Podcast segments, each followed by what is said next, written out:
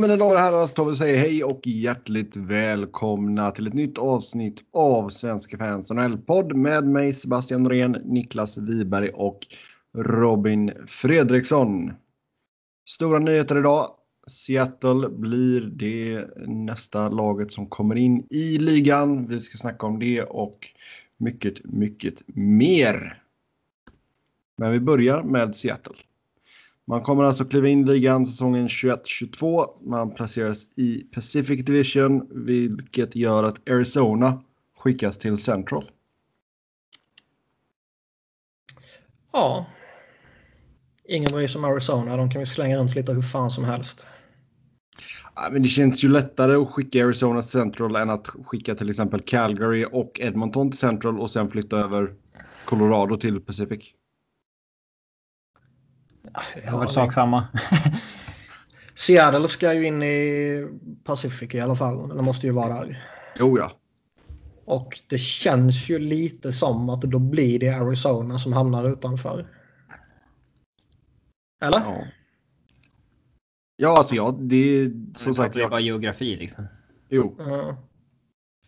Man skulle Ja. kunna göra det på många olika sätt.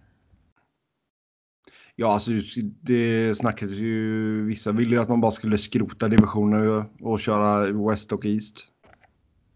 Har jag inget emot. West och East och lag 1 till 8 går till slutspel. Ja, Kvalserie, allt ska vara som förr. Lag 31-32 åker ur. Ja, ner till AHL. Bara matcher, söndagar och torsdagar. Nej, men det känns väl ganska logiskt att man skickar just Arizona eh, och inte pular med och liksom flytta på tre lag. Ja, och det finns, det finns noll risk att det blir någon outcry för det finns eh, inga supportrar som bryr sig om laget i den mängden liksom. Och det finns... Eh, Ja, det, det är ju skillnad på att nu är inte det aktuellt på något sätt med att liksom skicka Toronto till en division de inte vill vara i hade varit en större grej. ja, det kan man inte göra. Ja, Eh, plus att det finns ju... Alltså... Arizona är ju ingen mäktig organisation direkt. nej, och står mycket i skuld till NHL på alla Mhm. sätt och vis. För att de får vara ett lag. för att de finns, för att de lever, för att de inte är döda. Ja. Tragiskt nog. Men ja, ja, det blir lite mer resande för dem. Eh, kan man ju lugnt fastslå. lite Ja. svårt att åka dit spelare. Alltså det, det går ju i cykler. Det kan ju vara så att om två, tre år så är Central inte alls lika stark som den är, som den är idag. Liksom. Absolut. Inte, för att jag, inte för att jag tror att den kommer gå ner sig avsevärt mycket med tanke på att du har en jäkla massa unga bra spelare i, i divisionen. Men Ja, men det där maktskiftet kan svänga på två, tre år väldigt Ja. oförutsägbart. så eh, nu får vi väl se vad det blir för namn och grejer på laget. Men Seaman har vi ju bestämt. ja, exakt. Det lär det inte bli. Eh, Emeralds eh, ligger bra till tror jag. De sa ju att alla, är, alla namn är aktuella. Det är inget vi utesluter. Nej. Så Seaman är ju aktuella Mm. enligt dem. Om, det är, någon- om det är någon som har föreslått det. Jag har mejlat dem. Okej, ja men det är bra. Eh, ja. Vi kan också säga det att de kommer ju betala en expansionsfee på 650 miljoner som delas eh, likgiltigt mellan de 30 lagen förutom ja, Vegas var ju 31 de får inga pengar. Så 30 lag delat på 650 det är 21,66 miljoner ungefär. Mm. Och var det typ 17 när Vegas klev in. Så man förstår ju att lagen kanske inte har något emot att peta in ett lag till. Nej herregud, jag menar Vegas betalade 500 miljoner. Mm. Så 150 mille till. Det... Frågan är ifall det hade varit så ifall Vegas hade varit tokdåliga förra säsongen. Jag vet inte exakt hur de räknar ut den där summan men eh, det har väl att göra med eh, omsättningar och värde och bla bla bla bla bla och intäkter och skit och hela köret gissar jag på något sätt. Ja, Så jag tror inte det bara de har suttit och druckit lite whisky och rökt lite cigarrer och kommit på att 650 låter jävligt chill. det, det skulle inte förvåna mig. i Det skulle, det skulle inte förvåna, men jag tror inte det har gjort så. Utan det Nej. finns säkert någon, eh, någon matematisk formel bakom det så att säga. Jo, det är helt sant. Okej, så man... Eh, Men lite- det som är ja. intressant är ju det som det har börjat hintats om lite här mot slutet. Att det blir först 2021 och inte 2020 som det var svart Mm. kom tidigare. Tyvärr Eh, 21-22. Vad sa du? Ja, tusen fel. Men Nej. ja, Nej, 21, Alltså 22. 21. Ja. 21 Ja, och inte 21. 20. exakt. Okej, du sa bara första året. Ja. Ja. Ehm, Det kan ju bara ha med länge att en potentiell 2020. lockout att göra. Det kan inte vara med något annat. de skyller väl på arenasituationen. Men det känns ju som en jävligt lämplig undanflykt att slänga fram. Det kan ju inte vara något annat som Robin säger än, än eh, lockout-hot. Mm. I synnerhet också när Bettman, om det var idag eller om det var igår, det minns jag fan inte. Eh, men när han var ute och snackade om att vi vill jättegärna ha eh, World Cup, men spelarna verkar inte intresserade av det. Eh, Ja. Så säger han först det och sen antingen i samma veva eller dagen efter så kommer det ut att Seattle kliver in men det blir först 2021 och så plussar man ihop de två och så funderar man på vad som kommer hända 2020. Ja. Ja, Det är väl smart på ett sätt för Seattle att säga 21 då. Ehm, Ja, eller så har de inte haft någonting att säga till om själva. Det kan också vara mycket, mycket sant. Eh, expansionsdraften kommer vara samma regler som det gjorde för Vegas 2017. Man eh, måste välja en spelare från samtliga lag förutom Vegas då. Eh, totalt 30 spelare. Och det är ett, ett 30-tal spelare som sitter på no movement-klausuler 2021. Oliver Ekman Larsson, Patrice Bergeron, Brad Marchand, Jordan Stahl, Jonathan Taves, Patrick Kane, Brent Seabrook, Duncan Keith, Eric Johnson, Tyler Zegwin, Jamie Benn, Alexander Radulov, Ben Bishop. Mycket i Dallas. Frans Nielsen, Milan Lucic, Keith Yandel, Huberto, Drew Dowdy, Parise, Suter, Price, Zibanejad. Giroux, Malkin, Crosby, Kessel, Letang, Vlasic, Kucherov, Stamkos, Hedman, Tavares och Blake Wheeler. Och vi kan nog lägga till en hel radda med nya spelare till det så småningom också.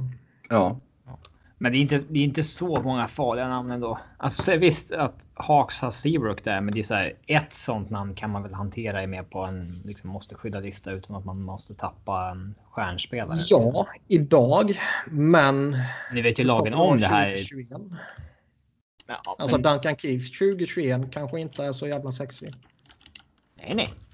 Eh, Vi, vi såg ju hur lag tog sig runt det där i år. Ja, Eller absolut. i Det- liksom, betala det kick så man tar de inte det. Ja. Ja. Men det kanske inte Seattles GM är lika öppen för den typen av deals som McPhee var. Men det vet man inte. Men alla andra lag kommer ju att ha lärt sig av vad som gick fel eller vad de gjorde fel förra expansionen. Liksom. Mm. Eh, så att det. Och det här.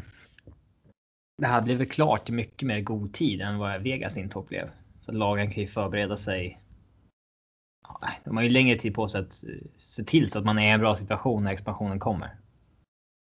Ja, typ. absolut. Mm. Ja, är det någonting annat vi vill lägga till angående Seattle? Nej, Det är så långt bort så att det. Ja, det är synd också. Jag hade ju gärna sett att de klev in. Ja, man kan ju inte slänga dem nästa år. Det Jo, det hade varit in med dem bara. Så har de ingen arena är det ju svårt att slänga in dem. Jo. Det har ju varit snack, eh, alltså det har ju aldrig varit aktuellt innan 2020 tidigare. Nej. Och sen att de lägger det nu 2021 istället för att de vet att det kommer en lockout 2020. Eh. Så det känns väl rimligt. Annars, eh, vet fan om man kan säga något mer i dagsläget. Nej. Vi får väl såga deras eh, matchställ när det släpps, men det känns som att varför kommer de göra det nästa vecka. Liksom. Ja, det kan, Och- där kan de ju ta lite tid på sig nu också. Mm. Sen funderar jag innan, alltså, så, när börjar det bli relevant att göra en expansionsdraft? För oss i podden. Ja, Typ näst, Ja. Nästa Som- vecka. sommaren 20. Ja, när vi kan få göra det när det är lockout och vi inte har något att snacka om. Ja. ja. ja. Det är ett tag kvar i alla fall. Det är ju inget, eller vill, vi- alltså det, vi kan försöka ge oss på det men Det skulle ju vara lite häftigt att göra det, jag menar inte nästa vecka, men typ till sommaren när vi har Men det, är, väl- inget att göra liksom. Men det är väldigt svårt att göra en som är liksom. Man kan inte klandra ett lag för att den, de inte kommer kunna behålla en viss spelare så här, utan när, de, Nej, nej. när det inte ens är aktuellt. Att, eh, nej men det, det tycker jag vi kan ge oss på. Eh, Så i sommar gör vi vår första i alla fall. Sen kan vi det är som att, göra, det är som att säga vem som borde plocka free agent, eh, gå igenom free agents kommande 2021 och vem som borde signa dem. Liksom. Ja, Det är det kan man väldigt, vill. det är väldigt eh, omöjligt att veta vem som kommer ha cap space om tre år. Men vi kan ge det ett försök i alla fall. Det är alltid kul. Får vi se hur många rätt vi har. Men som sagt, vi kan ju uppdatera den var sjätte månad sen. Ska vi utföra den i tron om hur det kommer se ut? Eller om den här skedde idag? Man kan göra både och. Ja. Som sagt, det, men det är ja, första kommer i sommar så där har ni en lång tid. Om sex månader Mm. så kommer första. Ehm, men annars är det väl ingenting mer här riktigt att säga va? Eh, GM, Ja, det är ju folk som har slängt ut Ron Hextall som ett eh, bra alternativ för Seattle. jag sa det förra veckan. Känns det inte som ett ganska lat alternativ att slänga ut? Det är så ja, men det, är, tar, det är väl liksom bara för att ta det är han som är tillgänglig nu. Liksom. Alltså när... Alltså, när det är det enklaste att säga bara sådär. att, Bara för Jo, att men han är när, tillgänglig. när, ska de anställa, när ska de anställa en då? Nej, jag tänkte säga det. N- När fan, eh, hur långt... Det var ju ändå så här lång tid innan som vi är idag Mm. utsåg ju inte Vegas McPhee. Men när fan var det de utsåg honom? Ja, men de hade väl inte så här lång, till, eh, de hade inte så här lång tid innan de klev in heller. Nej, Så se om det... George McPhee. Jag hade inte haft något emot om jag var ja, Seattle-fan, hur man nu kan vara det. Men ifall de eh, ifall de anställde Ken Holland som någon form av president of hockey ops så att säga. Kanske inte som GM, men GM ska jag inte vilja bygga ha hela- den som ska Men- bygga hela organisationen med scouter och eh, Ja. eh, det, det hade jag nog inte haft något emot. Det där är något han har varit väldigt lyckosam med i Detroit. Eh, nästan alla Sommaren framgångsrika 2016 kom McPhee. Blev han utsedd. Så ett år före. Ett år i förväg. Alltså. Mm. För jag menar, alltså, vad fan säger att eh, Seattle-gruppen hör sig av sig till eh, ja, Hextall bara för att ha ett namn att, att prata om. ja, Idag, idag, om man signar honom nästa vecka, vad fan ska han gå och göra fram till 2021 liksom? Ja, alltså han är väl lite. Bara scouta typ. ja. Ja. Bygga relationer. Liksom. alltså Men det känns, då känns det som att... scoutorganisationer och så allt sånt där Ja. kan man ju vara oerhört grundlig med i så fall då. Men. Eh, känns väl lite för Känns mycket arbetsnarkoman för att eh, ska han bara gå och rulla tummarna i två och ett halvt år sen. Get to work. Ja. Typ. ja. Frågan är om vi får se, vi lär få se ett nytt AHL-lag också då. Om jag tänker på nu. Vart lägger man det? Portland? Ja, Maine eller Oregon? Skiter heligt i det ska jag säga. Oregon såklart. Ja. Också ett gammalt klassiskt Svenska fans podden skämt. Någon någon av oss nämnde Portland 2012 och Sebbe var noga med att port- påpeka att det var i Maine och inte i Oregon. Så att någon- så att Ja, men de är, ju- de är ju så jävla dåliga på att namnge städer här borta. Det finns ju alldeles för många städer som heter samma skit. Ja, visst. Det, jag menar, hur många Springfield har vi? Men det är bra för Simpsons. Ja, exakt. Det är bara därför. Ja. Eh, yes, vi eh, går vidare. Chuck Fletcher är ny GM i Philadelphia. Varför är Hextall fortfarande tränare? Eh, fråga honom. Nej, jag frågar dig nu. Eh, Det kanske inte ens eh, handlade om Hackstall. Det vet vi inte. vet, det är ju vissa idioter som får för sig. Åh, nu, har, nu är det Ron Hextall som eh, egentligen var han som bestämde över liksom, coachbesluten så att säga också. Och eh, nu ska ni se här, Dave Hackstall kommer att vara helt annorlunda. Han kommer att göra på det sättet och på det sättet. Nej, han har gjort exakt samma skit. Han petar Jordan Wheel för att sätta in Jori Lehtera i laget. Han spelar sina spelare, Travis Sunheim, 11 minuter liksom.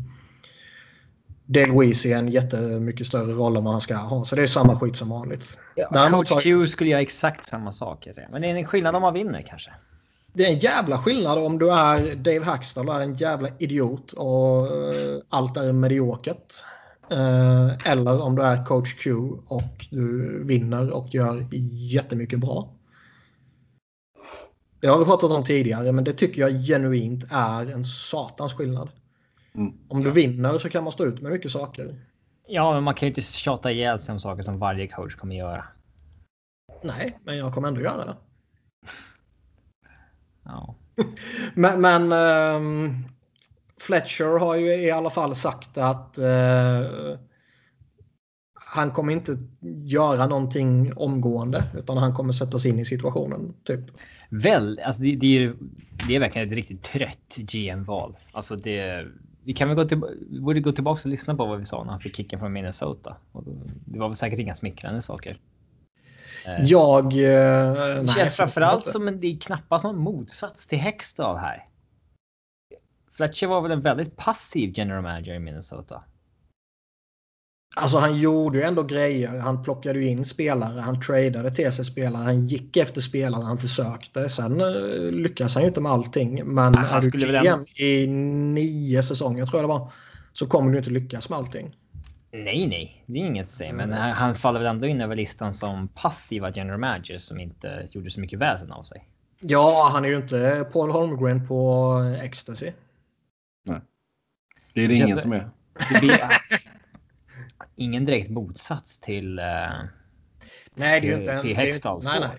Det är ju inte raka motsatsen, men jag skulle ju inte heller säga att det är en kopia. ja. Sista Eh. dåliga han gjorde var väl att betala snormycket för Martin Hansson Mm. eh, och skeppa Alex Tuk till Vegas mot ett third round pick. Jo, Eh, jag vet jag, alltså jag... alltså han, det är ingen kille med superimponerande CV bortsett från eh, att han liksom ja, Nej, haft ett jobb i ligan länge. Typ. Men, nej, jag håller med dig. Det är inga, inget alternativ som eh, man hoppar jämfota i extas över.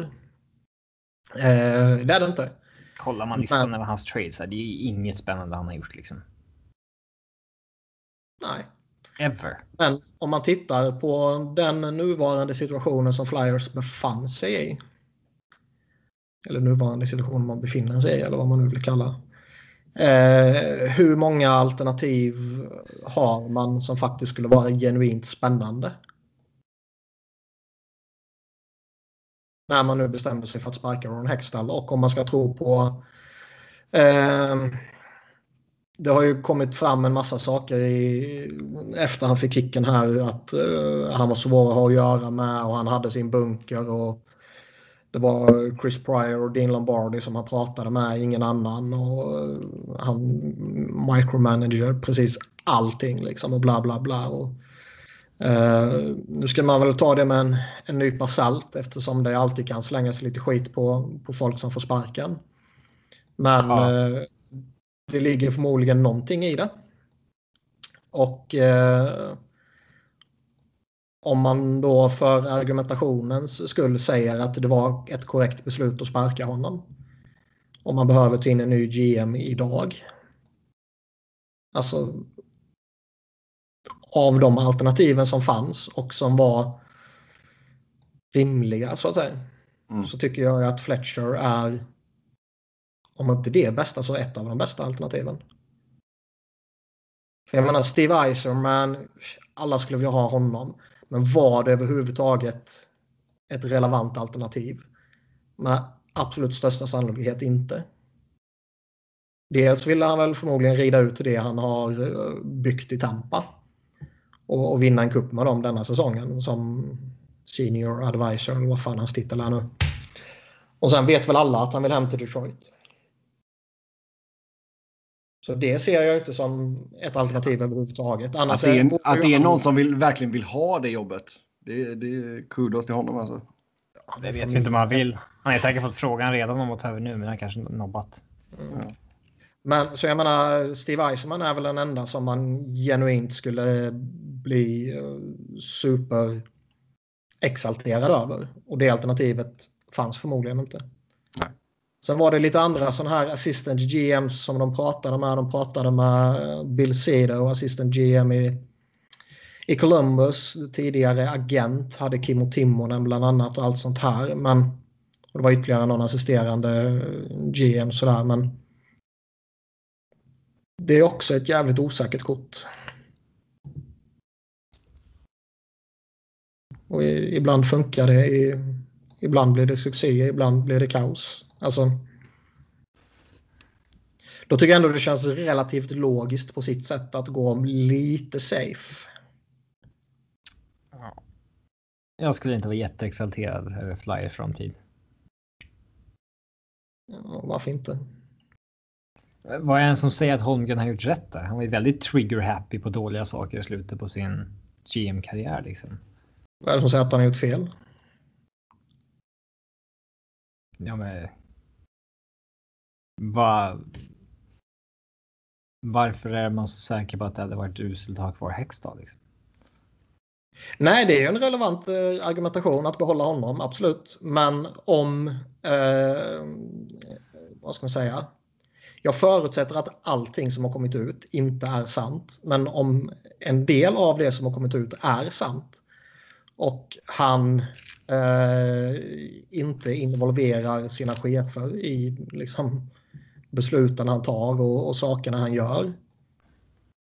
Alltså, då är det inte orimligt att sparka honom när man tycker att den här processen, det händer ingenting. Vilket ju inte har gjort.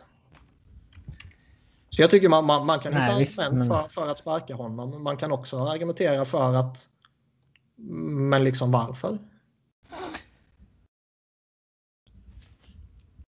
Ja. Så jag, jag, vet inte, alltså det, det, det, är svårt att säga någonting om det här innan man ser vad han gör. Alltså mm. behålla Dave Hackstall som coach under i alla fall en, en kort period när han precis kommit in i organisationen.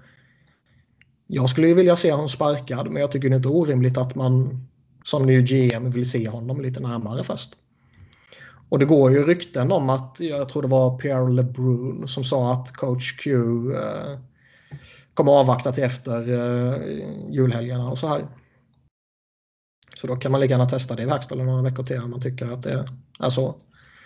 Um, och skulle han göra en, en större trade här i, om en vecka och den är superkonstig. Man skickar Nolan Patrick mot någon halvhygglig veteran liksom. Han har ju skickat några första val för liksom inte mm. top end talent. Mm. Det, det väl... Nej, jag vet. Allt är inte fantastiskt han har gjort, men jag. Idag tycker jag inte det är ett dåligt alternativ.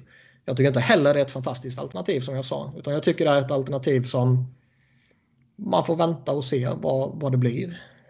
Uh, för det verkar ju faktiskt som att Ron Hextall inte var redo att göra det som organisationen förväntade sig av honom. Vad nu det var. Ja, satsa hårdare. skynda på processen. Men det är så otroligt mycket spekulation. Alltså liksom vad... Det här med olika filosofier. Vad, exakt vad... Vad det är han inte har velat göra och vad han ville göra som de inte vet att han skulle göra. Så att säga. Det, Enkelt sammanfattat, och det är väl ingen som vet förutom de själva, så är det ju att han inte var redo att påskynda processen genom eh, någon trade eller sådana där saker. Utan han ville bara sitta och vänta. Och det, det accepterade de inte när eh, eh, landet ligger som det ligger. Eh, eh vad heter det? Minskande publikintäkter och publikunderlag och sådana där saker. Då tar vi och släpper den. Ja, det kan vi göra. Vi fick äntligen ett slut på William Nylander-sagan, eller del 1 av Nylander-sagan i alla fall. Det blev ett nytt kontrakt med Toronto. Det blev ett sexårskontrakt. Cap-hitten blir så här 10,2 miljoner den här säsongen och sedan 6,9 miljoner resterande säsonger. Ehm, det blir pro-rated och allt det där roliga. Så, ehm, men eh, ja, 6,9 kommande säsongen i alla fall. Det gick fan ända in i sista timman där alltså. Det registrerades väl med fem minuter kvar har jag för mig jag läste. Ja, tur att faxen funkar. Duba sa väl att eh, ja, det var Nylanders camp som ringde med typ 45 minuter kvar och sa att let's make a deal. Annars mm. hade man varit beredd att låta honom sitta. Och det skulle vara att, som vi har sagt tidigare, helt oförlåtligt. Alltså är det 45 minuter kvar, då hinner man inte göra en trade över lag ska få honom signad. Och, alltså... nej, nej. nej, nej. Vilket då, eh, allting tyder ju på att om inte han själv skulle sagt OK så skulle Toronto låtit han sitta en hel säsong. Ja. Sista året på Mitch Marners och Arthur Matthews eh, entry level kontrakt. Det sista året man har till att verkligen gå all in på att vinna kuppen. Då kan man inte slänga bort en sån eh, resurs. Nej. Så det, det var ju bara flyt för honom i så fall att eh, Nylander accepterade det. Men jag tycker väl det är fair kontrakt liksom. Ja, alltså det, det har varit väldigt uh, delade meningar på Twitter och uh, andra sociala medier. Jag har inte kollat lika mycket Facebook denna gången faktiskt, ska jag villigt erkänna. Utan det har varit mest Twitter. Och där verkar det som att många tycker att han är girig och andra som tycker att han har signat billigt. Ja, och sen, och sen är det en liten, ska, liten skala, skala i mitten och säger ja men detta är fair liksom. Alltså, rent det... lönemässigt så är det väl fair. Eh, mot vad han har presterat. Och... Ja. Jag tycker det är konstigt dock att man inte kunde enas om ett sexårskontrakt värt 7 miljoner för enkelhetens skull mm. i somras. Ja. Oh, ja. För det känns verkligen rimligt och logiskt och vettigt på alla sätt och vis från båda hållen. Ja, det är ingen som kommer ur det här som att ja, den personen vann chicken-racet. Mm. Eller det kanske är Nylander. Jag vet inte. Nej, visst. Vart låg Torontos första bud liksom? Nej, så kan det ju vara. Men eh, sen kändes det ju när Babcock gick ut och sa de sakerna som han sa att liksom, han kommer signa, han kommer vara här, vi kommer ha honom. Då känns det ju som att det oundvikligen måste bli så. Ja, exakt. Vi älskar honom, han älskar oss. Ja, lite sådana grejer. Och, och Babcock är ju... Dels är han en väldigt kompetent coach, men han är ju förmodligen också en väldigt inflytelserik och mäktig coach. Jo.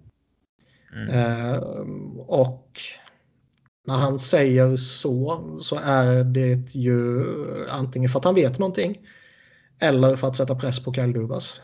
Mm. Jo, det kan du ha mycket rätt i där faktiskt. Men, jag, men jag, jag, förstår inte kommentarerna som säger att han är girig. Ja, men det är klart att det blir så när det dröjer ända in i december och han inte vill signa. Oavsett vad det är han inte vill signa för. Så att säga. Eh, Jeremy Roenick var ute och svingade igen till exempel.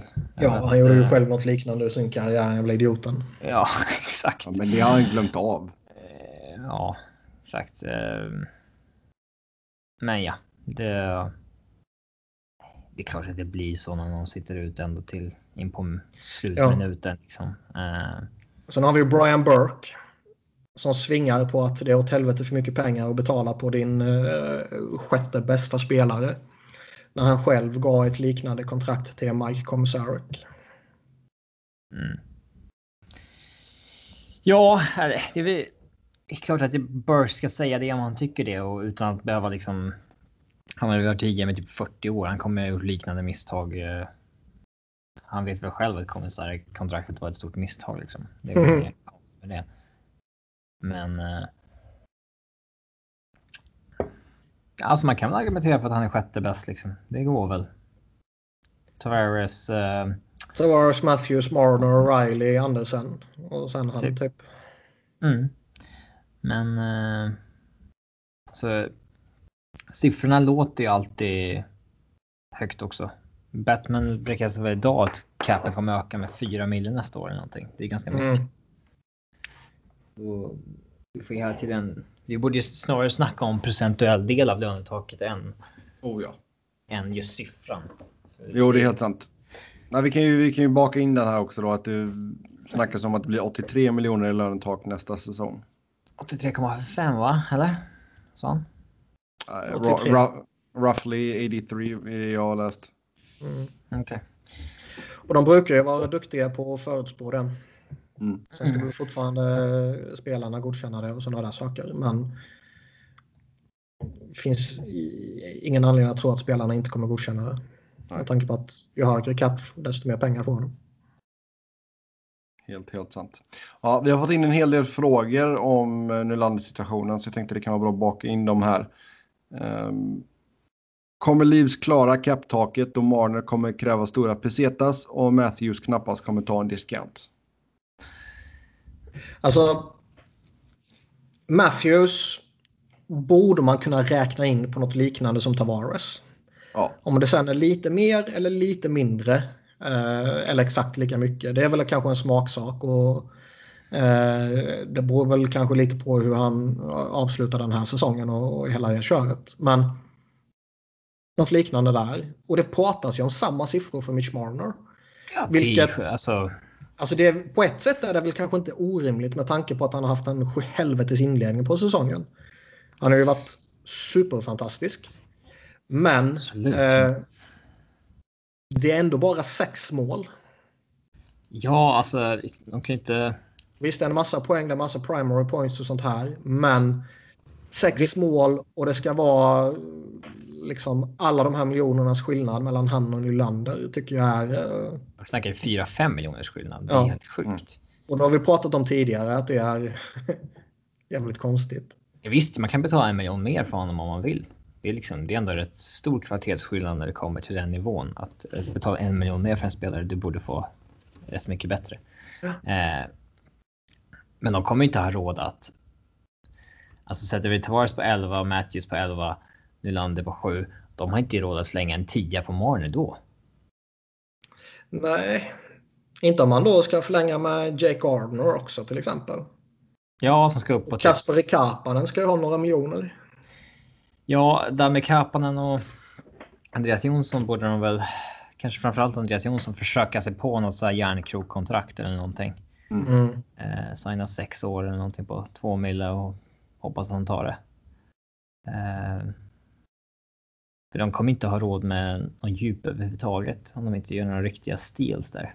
Nej, kan man... Um... Det kommer vara som Pittsburghs år där efter, efter Stanley Cup-titeln, att de liksom fick bara fylla ut med snorbilliga spelare runt Crosby och Malkin och mm. i princip. Mm. Eh, en till fråga här. Nylanders kontraktet skrivet. Finns det ändå risk att han tradas för en billigare back framöver? Detta med tanke på forward-situationen, lönetaket, Matthews, Marner och så vidare. Alltså, han ska ju ha fått ett gentleman's agreement från Kyle Dubas att han inte kommer tradas så länge han är GM. Ja. Det kan man aldrig lova. alltså... Man kan ju säga det. Sen är det upp till spelaren om man är så, så att man litar på honom. Men uh, det var som, det var som någon, någon, skrev på Twitter att Helt plötsligt säger Kaldubas att ah, jag går ut och köper en kaffe. Uh, den här snubben är interim GM så länge. Och sen är det han som tradar iväg Nylander. Mm. Ja, men liksom. eh, man kan väl se båda argumenten för att Nylander. Visst, han blir ett attraktivt trade chip, men ska de byta honom mot en back som. Som ska tjäna samma pengar i princip, då. Eh, ja, vad är det egentligen förutom det positionella? Eh, vilket ja, kanske lockar i och för sig. Hur mycket back får du för 7 miljoner nu för tiden? Ja, Dion Phaneuf fick man för några år sedan. Ehm, Du får väl inte toppback i ligan. Han ska väl upp Liksom- på några miljoner till. Men du får ju en jävligt fin back. har du fyra forwards varav tre av dem tjänar runt 10 och en tjänar runt 7. Det är snarare så att någon av dem som tjänar 10 flyttas då. Alltså ur ett rent cap-perspektiv. Ja, men Tavares och Matthews sitter ju jävligt säkert. Mm. Och Mitch Marner som local boy och hela det här köret tror jag också kommer sitta säkert. Sen Ja. tror jag i och för sig risken för Nylander, det var väl snarare om han skulle signat för liksom 5,5.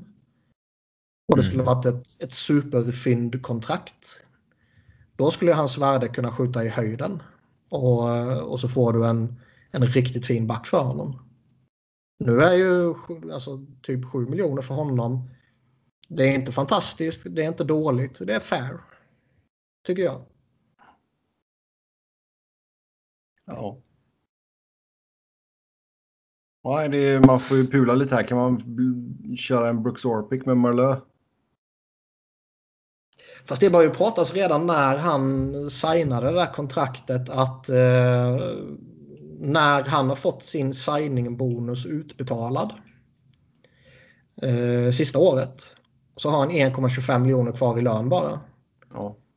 Och 6,25 i cap hit och att man då skulle eh, att han skulle sluta efter den utbetalningen typ.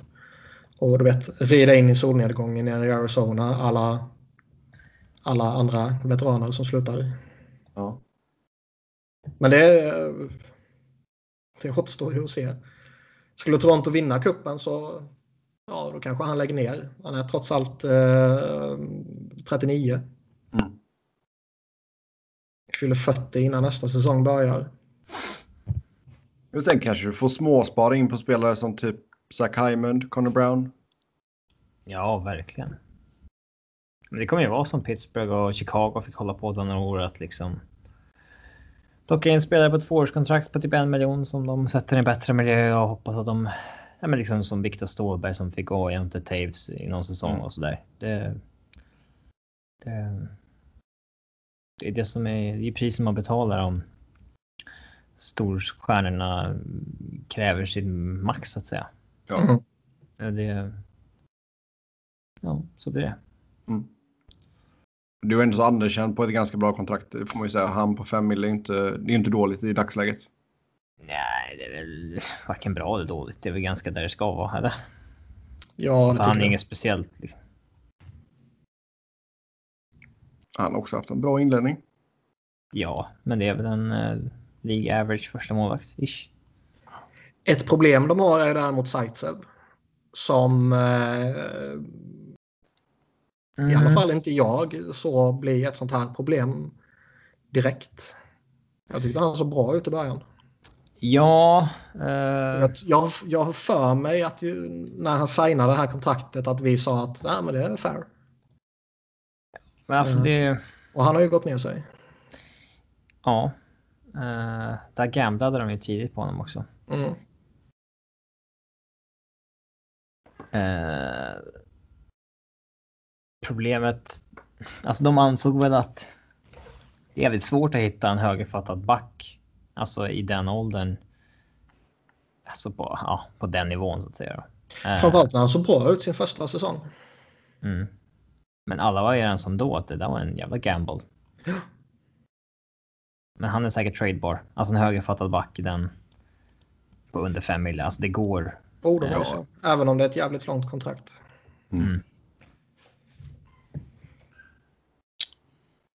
Ja. Eh, Toronto, hur ser deras eh, cap ut nästa år? Om ni får spekulera kring kontraktsförlängningar på Matthews, Marner, Gardner, Kapanen, Jonsson. Ska vi ge alla nya kontrakt här alltså? Ja du. Mm. Eh, Gardner 5,8, 5, upp mot 6. Jag tror att... De kommer eh, tradas, men eh, om de går efter en back framåt deadline, vilket jag tycker de behöver göra. Så kan ju det styra Gardners framtid lite också. Mm. Får de in en, en back med, med term eller de väljer att behålla honom och sådana där grejer så känns det som att Jake Gardner kanske får flytta på sig. Om man släpper honom som UFA eller man skickar några rättigheter vid draften eller några sådana där saker. Eh, men om så inte blir eh, fallet och han, eh, han ska förlänga så ja, det Robin säger känns väl rimligt. Mm är svårt för oss att spekulera vem som är kvar och inte. Ja. Men om vi bara pratar rena pengar. Ja, strax under 6 miljoner. Matthews sa vi någonstans runt 11 där. Jag tror Ja. ändå att man kommer peta in honom över Tavares i löne... Ja, 11, 11 miljoner och en dollar. Ja, om man får gissa över eller under Tavares så tror jag det blir över. Ja. Alltså, han producerar ju så in i helvete. Alltså, Jo, ja. Mm. absolut. Där vill jag hålla med dig. Men runt någonstans mellan 11 och 12 då? ja. Ja. Alltså Marner är ju, ja. Det beror Men- på. Alltså skulle de signa idag, då får de nog inte signa under 10 tror jag. Nej. Nej, Men och där borde man ju avvakta. lite och han liksom, han kommer ju inte hålla det här fas eller den här takten landa på 110 poäng eller någonting. Det kommer han inte göra. Eh, där kan jag också, om man ska vara en betting man så kan man ju betta och hoppas att han inte kommer över 100 poäng. Det skulle jag våga göra. Med ganska Mm. mycket som insats. Eh, och Alltså där tror jag att det kan bli en riktigt jobbig förhandling sen som dröjer hela jävla sommaren och Fram till december. Mm. ja, men Han, nästan. kommer han få lika mycket skit som Nylander då? Tveksamt. Ja, det skulle vara skoj om det blir så i alla fall. Eller det skulle ännu mer roligt om det blir eh, Matthews. Mm. Ja. Han vill hem till Arizona. Ja. Kapanen, eh, Jonsson. Eller eh, båda två. Alla fyra. Till Arizona.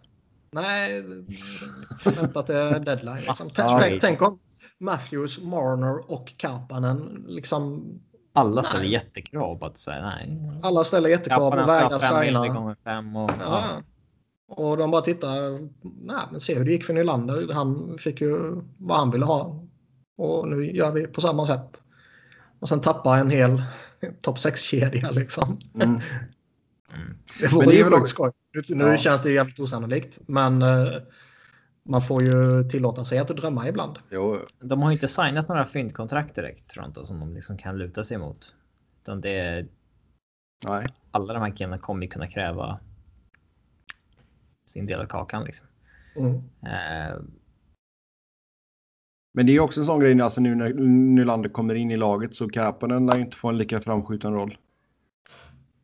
nej, visst, men. Jag tror inte att det.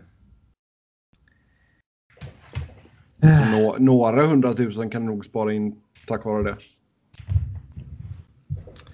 Andreas Jonsson känns ju som att det, han kommer ju vara snäll och ta ett fint kontrakt. Ja, han kan mycket väl vara korkad. Eller så vill han stanna i Toronto och ha chans att vinna. Ja, men eh, det är typ bara vissa svenskar som tar sådana kontrakt och då är de korkade.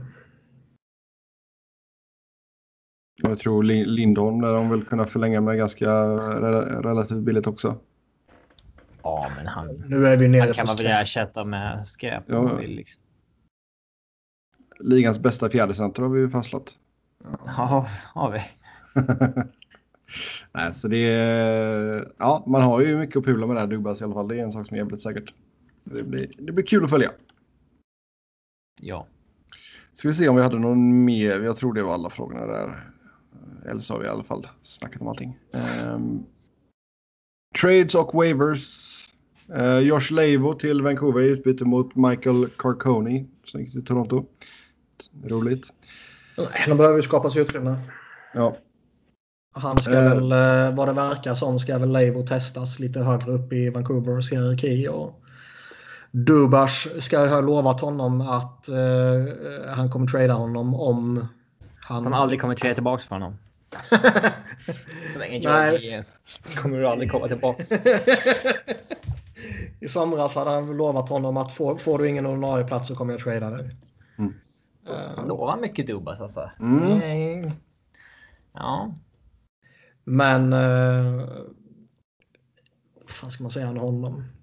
Han kanske kan bli en hygglig NHL-spelare liksom. Men inte mer än så tror jag inte. LA plockade upp två spelare via waivers. Brendan Leipzig och Nikita Sherbak. Smart. Ja.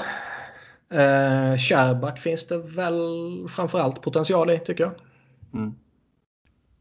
Men det är ju inget jätte... Ja, det är ingenting man, som vad var det du sa, hoppar upp och ner med två fötter jämfota.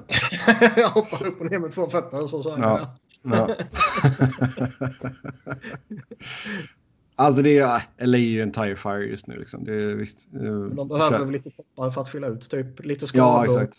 Valchuk bland annat och så här. eh, Vilket ju verkar vara en, en skada på riktigt och inte en uh, Willy är dum i huvudet skada. Nej, han gick ju väl igenom någon procedure här nu. Ja. Så, men däremot så var jag lite förvånad att man inte plockade Valentin Tjukov som istället gick till Edmonton. Hade man inte tagit de här redan innan så att det inte fanns plats eller?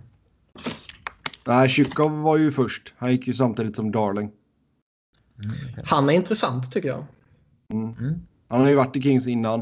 eh, men det kanske var så att man inte gillar honom helt enkelt. Han kanske är ett rövhål. Det vet jag inte. Han verkar ganska god och glad men bedrövlig på Tycker engelska. vi fastställer det här idag. Nej, det gör vi inte. Sebbe säger att han är ett rövhål. Nej, nej, nej. nej. Men alltså grejen att han... Fan han var nästan point per game nere i AHL förra året. Mm, vad gjorde han? 33 baljor? Och har eh, inte alls kommit till sin rätt eh, vare sig i AHL denna säsongen eller i Carolina då. Och det borde finnas en potential i honom.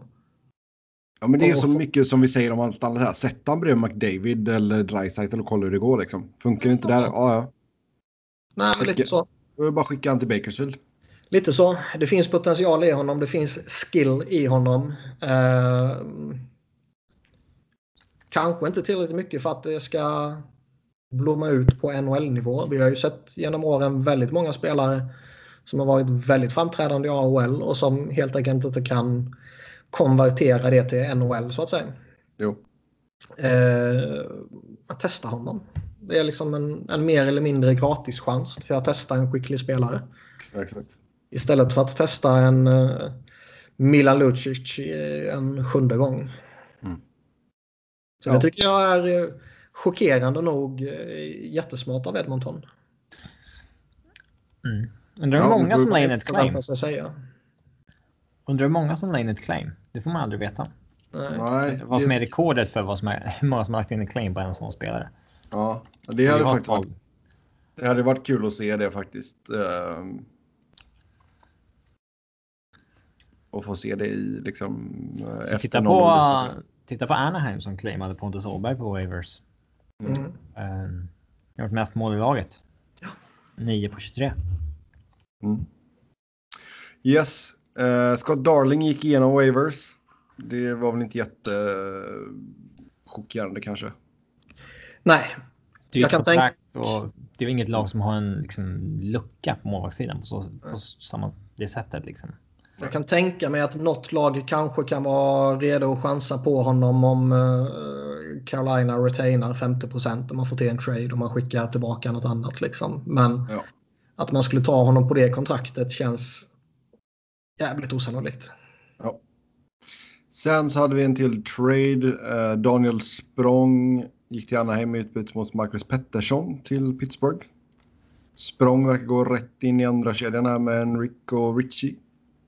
Han var ju riktigt hypad för några år sedan. De testade ju honom redan efter liksom, draftåret där. Mm. Eh, han fick en sån här jobbig säsong där de bestämde sig för att behålla honom och sen så ångrar de sig och skickar tillbaka honom till ju- juniorerna när han liksom har varit i NHL i 18 matcher. Ja, så där som bara fuckar med en spelares utveckling egentligen.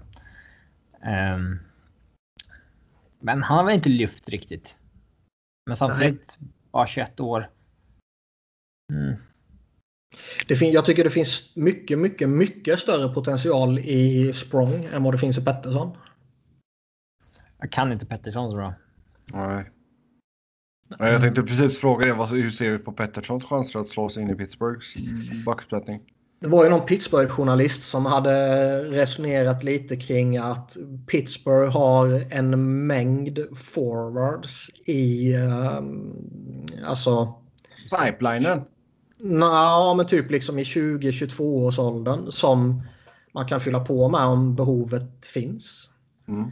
Men man har typ ingen back i den uh, ålderskategorin som är redo att fylla på. Nej, det är inte jättemycket coolt eh, som man har i AHL. Det är det inte. Nej, och jag, alltså jag vet inte om det är en relevant anledning för dem att göra den här traden, men eh, det är ju sanning med tanke på att det finns inga 20-22-åriga backar att fylla på med. Och det finns eh, Dane några Birks såna- är yngst med 23. Ja, och det finns några sådana liksom. Eller några forwards menar jag. Jo. Så det, visst, det kanske ligger lite i det. Ehm, Pettersson, vad har han gjort den här säsongen? 27 matcher, 6 assists för Ducks. Ja, alltså en, de har lite backskador och sånt där också, men det är liksom det, det är en helt ointressant back ju. Kanske, kanske inte. Vi får se. Helt enkelt. Men ja, som sagt, jag, jag tycker i alla fall det finns en oerhört mycket större potential i Sprong. Ja, det känns som att Anaheim har ett större behov av språng också. Ja, Eh, absolut. Yes, eh, Carl Åsner drar till sig intresse från bland annat Dallas, Toronto, New York Islanders och men Colorado. framförallt Colorado. Ja, nej, det är, det är svårt att se någon logik i faktiskt. Eh, sett till eh, alltså backsituationen. Högersidan är ju totalt stängt med Eric Johnson och Tyson Berry. Vänstersidan har man ju Samuel Girard som man satsar hårt på och sen så har man ju redan en gubbe för mycket så att säga. Man signade ju Ian Cole så att eh, Sadorov har petats ner ja, från 20 minuter per match till 14 liksom. Eh, och det liksom pratas om Ja, eventuellt att han eh, Friedman spekulerade att han kanske är in play eh, på så vis. Eh, för att man har committat Ian Cole på tre år och han liksom får inte det utrymmet längre. Mm. Och jag, jag ser inte riktigt. Alltså luckan för Arsenal någonstans. Nej. Jag Det var ju han Pagnotta, eller om man uttalar det på the fourth period, som skrev det här. Och, ja, så det är väl lite loose cannon, men. Eh, Ja. eh, alltså, det är väl inte. Inte orimligt att man ringer och kollar sådär, men jag ser inte riktigt. Eh, alls varför det, verkar det ju- skulle vara aktuellt för. Just för. Ja, Det jag kan förstå vad andra lag gör. Det verkar ju gå ett legitimt rykte om att Dallas undersöker honom. Ja, så han kan ju absolut vara användbar till rätt pris, men då får ju Montreal retaina någon miljon eller två. Ja, om inte mer än så. Men ja, Toronto känns ju jävligt konstigt. Ja, Man har ju svårt att se Kyle Dubas skulle plocka in honom. Islanders, man kan ju definitivt se Uncle Lou plocka honom. mm. Men det, ja, fan, man kan ju inte... Man kan fan inte gå efter honom. Dallas är en otrolig skadesituation på backsidan, så där. Det är inte Ja. som att committat en kille på ett år direkt. Han har ett långt kontrakt. Ja, det skulle ha varit penning UFA och bara varit åt helvete för dyr. Då kan man ju... Ja, det är säsongen ut. Det hanterar vi. Men nu kan man ju inte ta in honom. Herrejävlar. Det är Varenda människa en, såg ju det här. en, en back som borde ha ett jobb i ligan, det tycker man ju. Ja, men inte till det priset och inte det alltså kontraktet liksom. Mm. Ja, vi...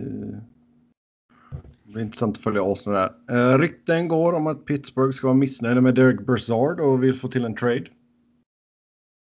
Mm. Snackas om att han inte har kommit in i deras eh, system, om man ska säga.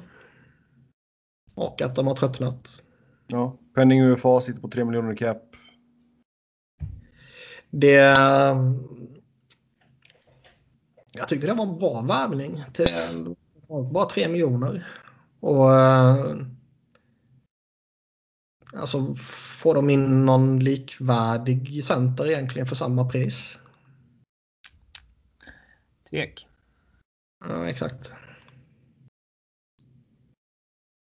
Och... eh, Ska Men väl visst- man vill kräma ut någon trade value av honom innan han blir UFA såklart. Men Ja, han är nog inte så attraktiv att signa om. Han kommer nog bli dyrare än vad man är bekväm med Ja, och ja, dålig ålder och sådär. Eh, Jo. Men eh, man har nog svårt att hitta något bättre för samma peng under den här säsongen. mm. Ja, det är intressant faktiskt. Han har ingen cap space liksom. Oj. Och de kanske har ett större behov av att fylla på med en back. Mm.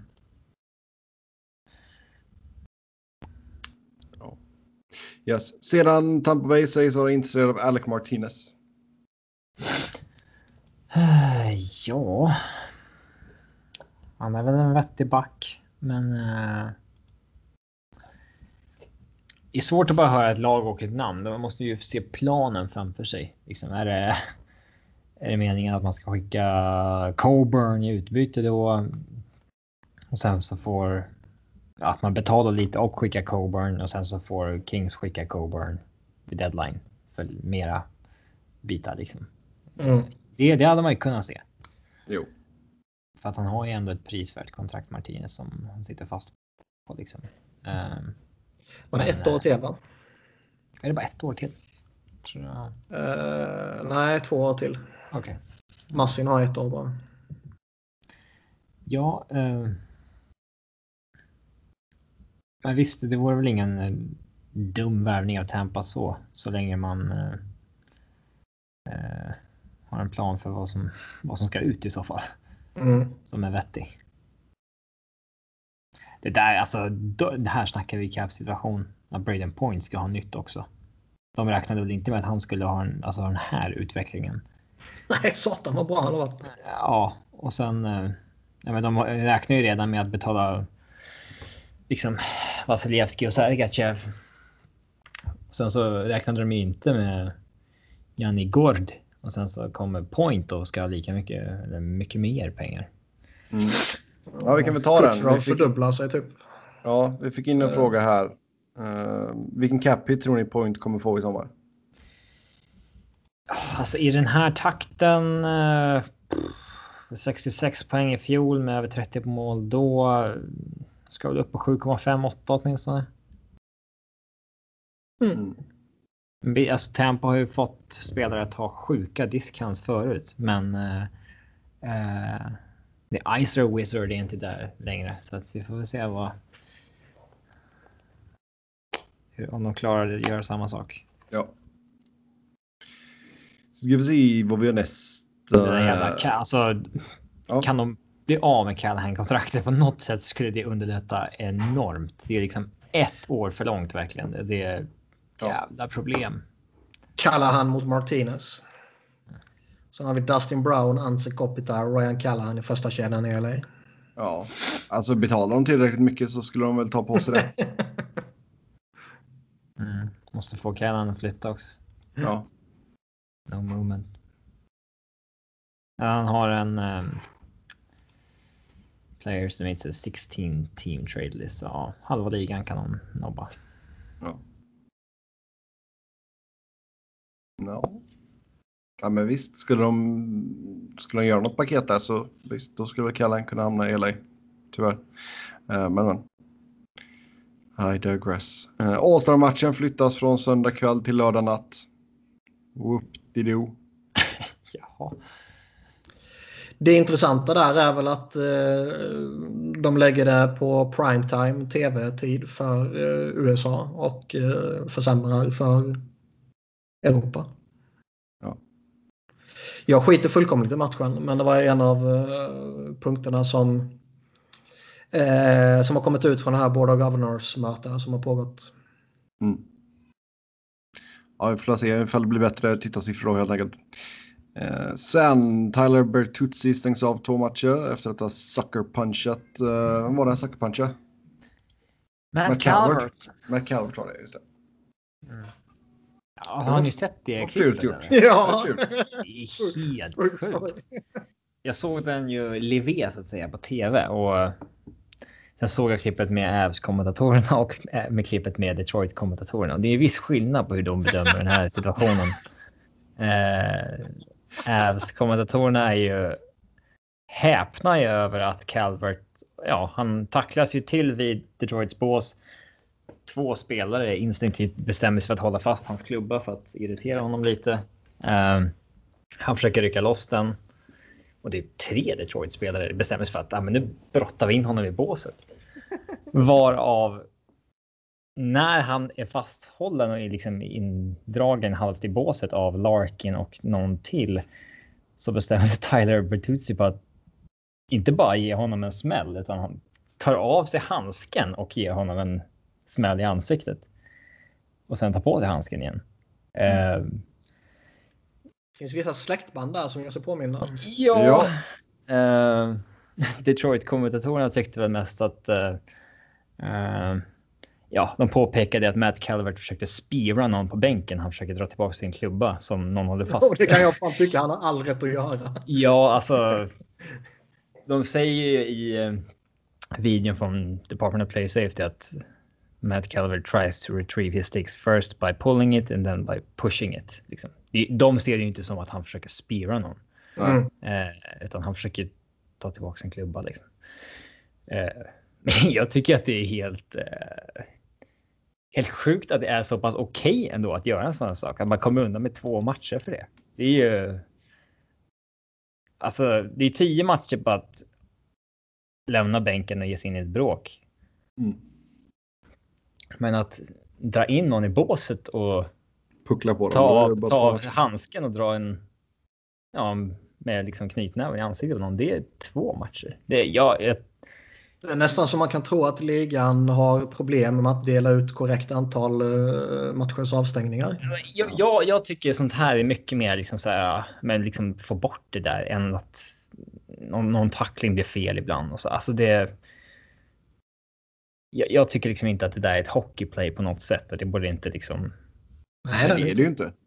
Nej, det, det där tycker jag. är- Det är... Jag, jag kanske är, är biased i den här situationen, men jag tycker det där borde vara en, en rejälare avstängning för det där är liksom ingenting med. Alltså jag göra. håller med dig. Eh, att det borde vara mer. Å andra sidan så liksom om du smäller en jävel i huvudet så får du två eller tre matcher. Eh, jämför det här med en sån tackling så ska väl de kanske vara lika mycket i så fall. Men båda är ju för lite. Jo, ja, absolut. Men detta är ju ett, alltså, detta är ju ett överfall. Så här, om eh, Calvert hade knockats där, segat ihop, Ja, då hade ju Bertuzzi fått 10-12 matcher. Ja, ja. Mm. Eh, nej, jag tycker det är en så ab- absurd grej att göra bara. Det är liksom. Ja, Det alltså där- det är ju riktigt jävla intelligensbefriat. Ja, Ja, alltså, alltså ta av sig handsken och bara ge en knuckle sandwich. Och ja. Det är inte okej. Inte okej. Det En sjukt rolig situation. Det är ju helt barockt. Ja, det var ju Eh. ingen utvisning under matchen heller. Ingen i båset alls. Ingen som håller fast Calvert eller vevar mot honom. Eller, inte på Calvert det, heller. Och det var, Fast det det var är- lite bråk liksom, när själva den situationen hade upplöst också. Mm. Sadorov och någon till började veva lite. Och det var ingen tvåa på någon alls. Men kan man eh, någonstans inte acce- eller kan man inte acceptera att domarna kanske faktiskt missar en sån sak? Jo. Ja, alltså att, eh, han döljer ju att han tar av sig handsken och drar ett dolt Ja. slag underifrån väldigt bra. Så det förstår jag att de inte ser live. Det är snarare jag reagerar live på att här, varför inte åker inte Dylan Larkin på typ en holding eller någon som bara lutar sig ut från båset och sliter in Calvert. Alltså. Är det ju, kan man göra det så är det ganska enkelt att sätta i system om man kommer undan med det. Liksom. ja. Det är bara att ha en jävla... Nej, det är konstigt. Konstig situation, absolut. Men två matcher känns lite väl lite, absolut. Sen eh, jag kan baka in lite snabbt där. Anthony Manta borta 4-6 veckor efter att han bröt handen efter att han har slåtts, slagits med Patrik Nemeth.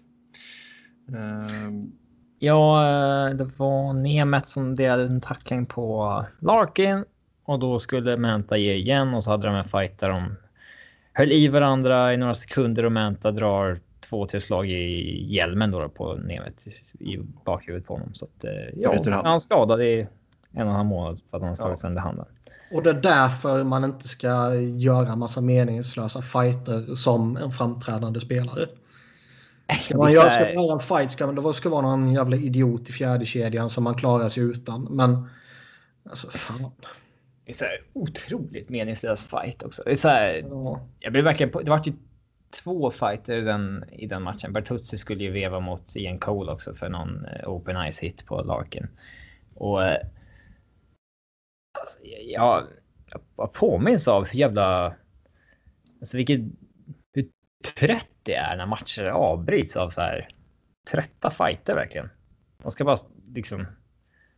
Det, det är liksom inga känslor bakom det egentligen. Det är bara så ja, jag ska väl ge igen för det du jag ska göra. Så att, ja. Och vi står och håller i varandra några gånger och ger varandra lite shoves. Typ, ja, det är så här, det är inte... De slåss ju liksom inte ens. Det är bara liksom for show. nej, och sen det är, ju, det är ju inte saken bättre det där med att du inte kan kasta, du får inte ta av dig hjälmen heller. Eh, vad nu man nu ska göra det för, men eh, alltså. Kollar man på hela den situationen så är det så här oerhört meningslös fight av Manta. Liksom det, Jag tycker det är så få fighter numera som faktiskt känns legitima. Ja. Det är bara sådana här meningslösa situationer som det var här när man tacklar någon spelare och det tycker man inte är fair och så blir det en halvhjärtad fight eller så blir det en stage fight för någonting som hände för ett halvår sedan. Och det ger inte ett skit heller liksom. Det är så få som faktiskt har någon som helst betydelse tycker jag. Kan gärna plocka bort skiten fullkomligt. Ah, så långt vet jag inte om vi ska gå. Men men.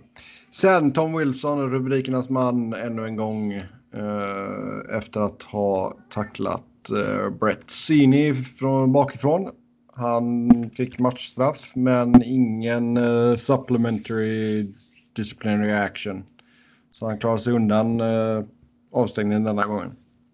så här, live så förstår jag att domaren tolkar det som att Wilson eh, träffar honom i bakhuvudet och att han eh, får eh, femma game för hit to the head så att säga. Men när man ser på reprisen så ser man att han träffar honom inte i huvudet.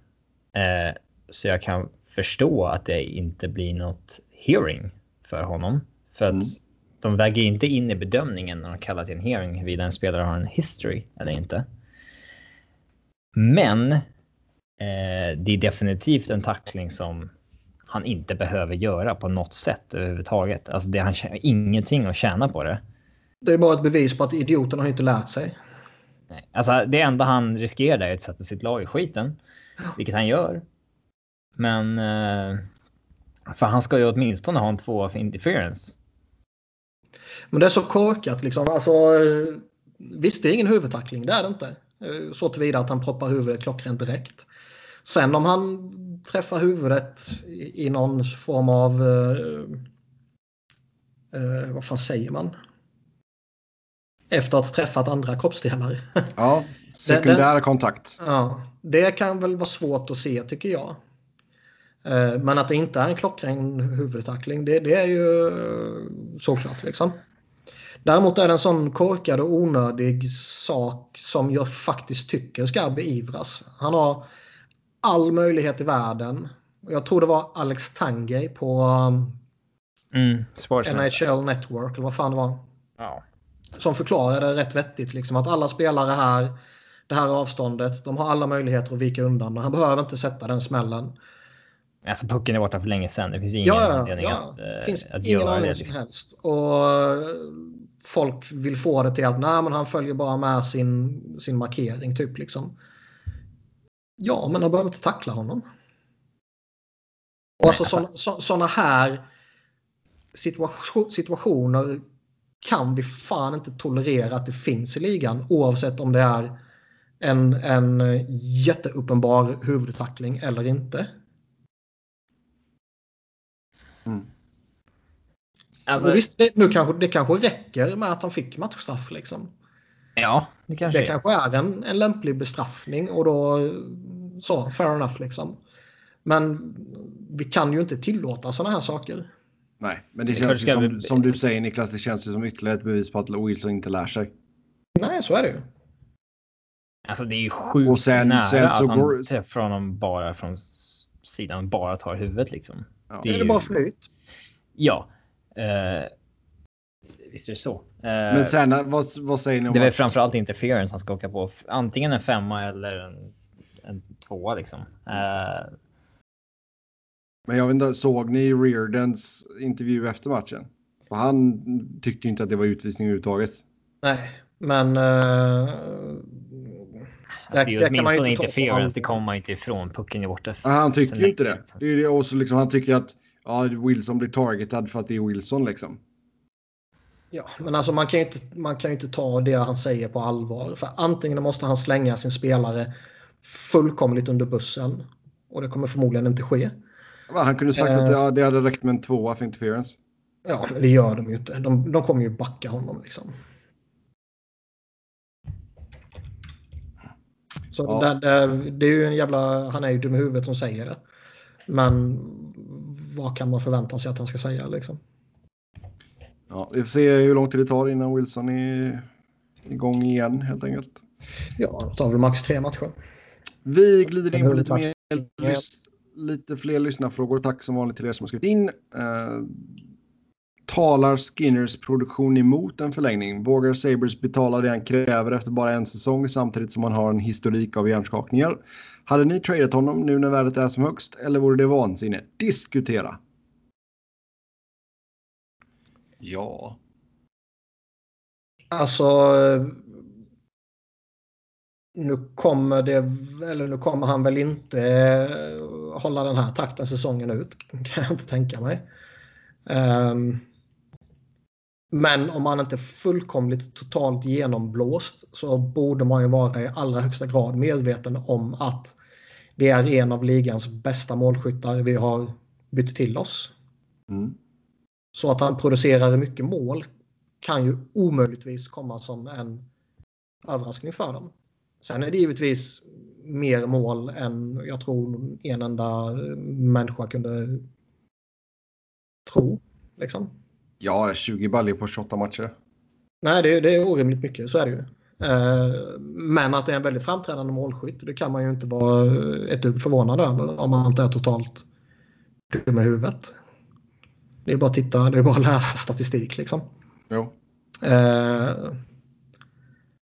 Men man kan väl göra ett case för att man kanske inte vill signa honom på var det förra eller var det för förra veckan som vi pratade om några typ vad han ville ha och Panarin ville ha och eh, någon till liknande där omkring. Vad fan kan det ha varit? Skitsamma.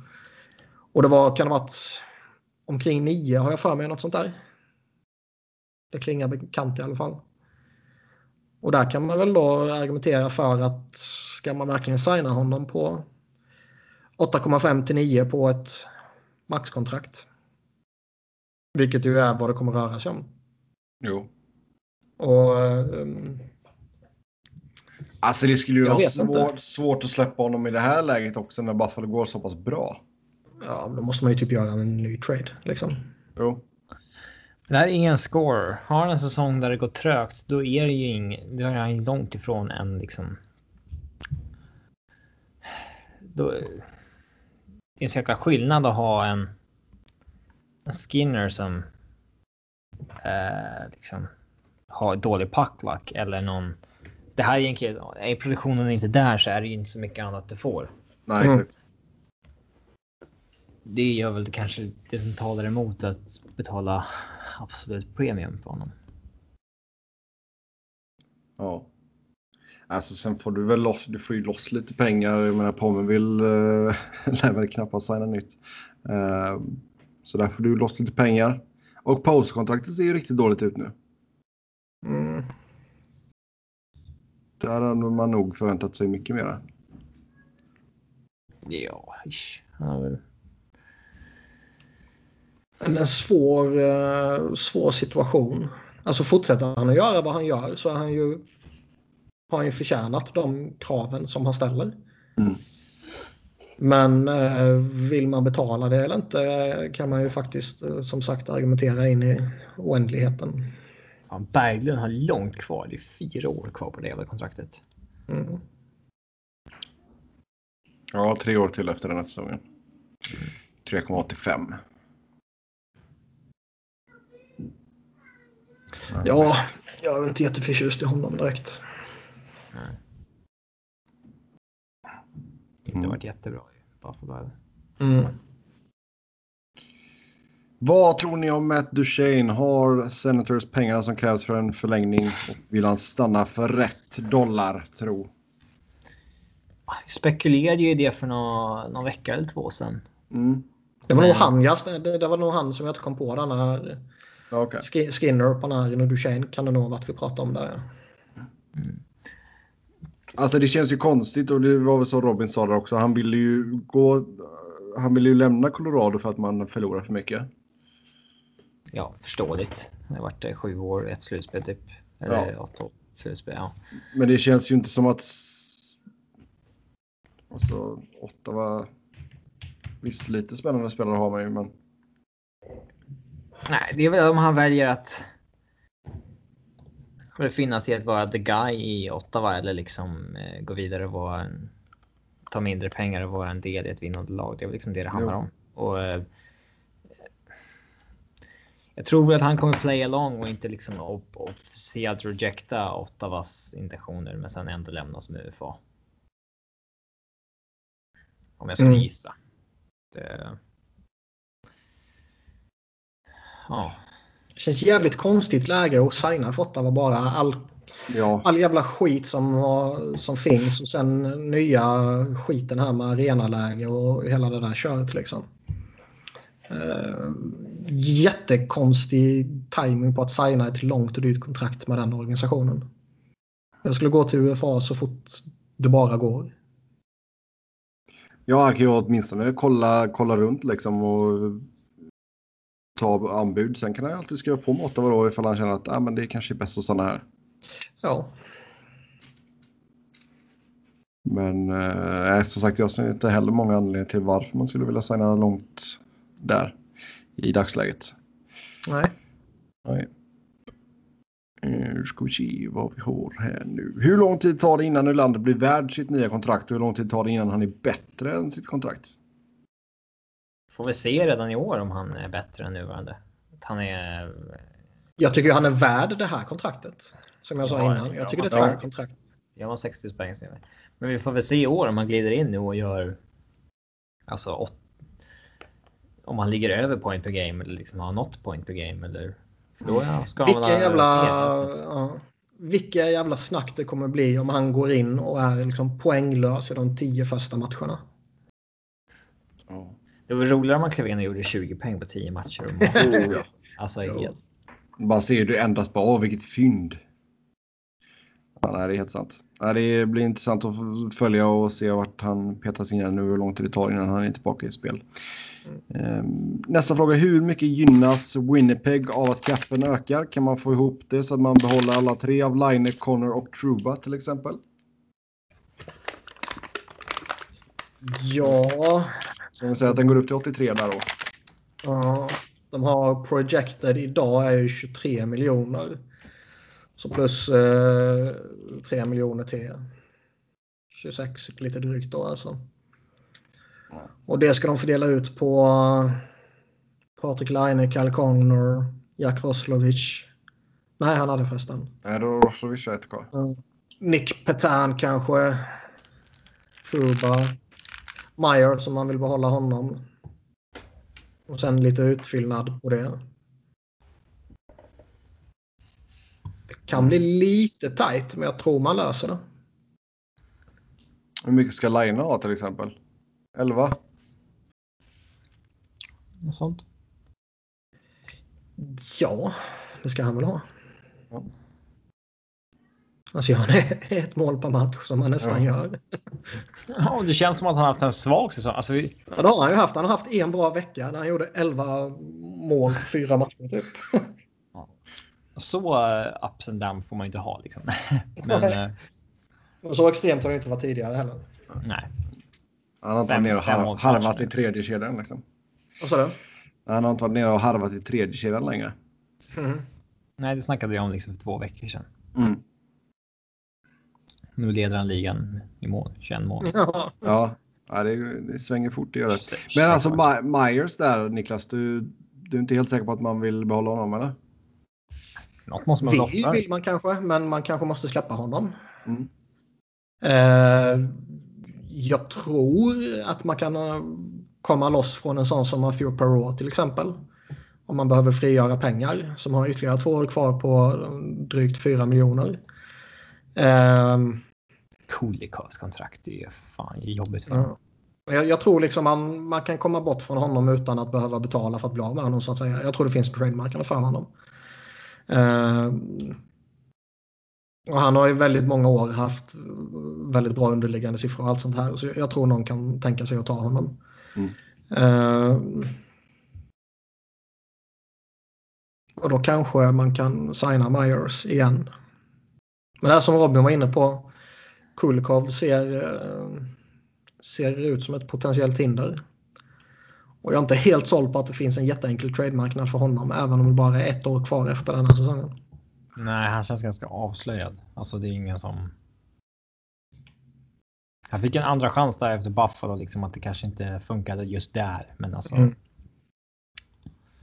Nej, Ja, det är bara 28 också. Det känns som att han varit med hur länge som helst. Mm. Mm. Men alltså de har ju en väldigt stark högsida där med Bufflin, Myers och Truba. Mm. Kän- Känner vi fortfarande att Truba är nummer tre på totempålen där liksom? Tre alltså. För det känns ju, Truba ju- verkar ju alltid ha en väldigt hög självbild av sig själv i alla fall. Mm. Och väntar fortfarande på att han ska breaka fullt ut typ. Ja. Men eh, vet inte. Jag tycker det är svårt att rangordna dem.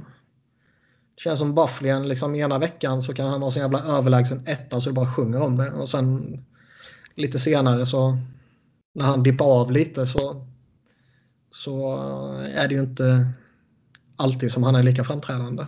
Nej. Man börjar också bli lite gammal. Ja, Och- lite skadeproblem.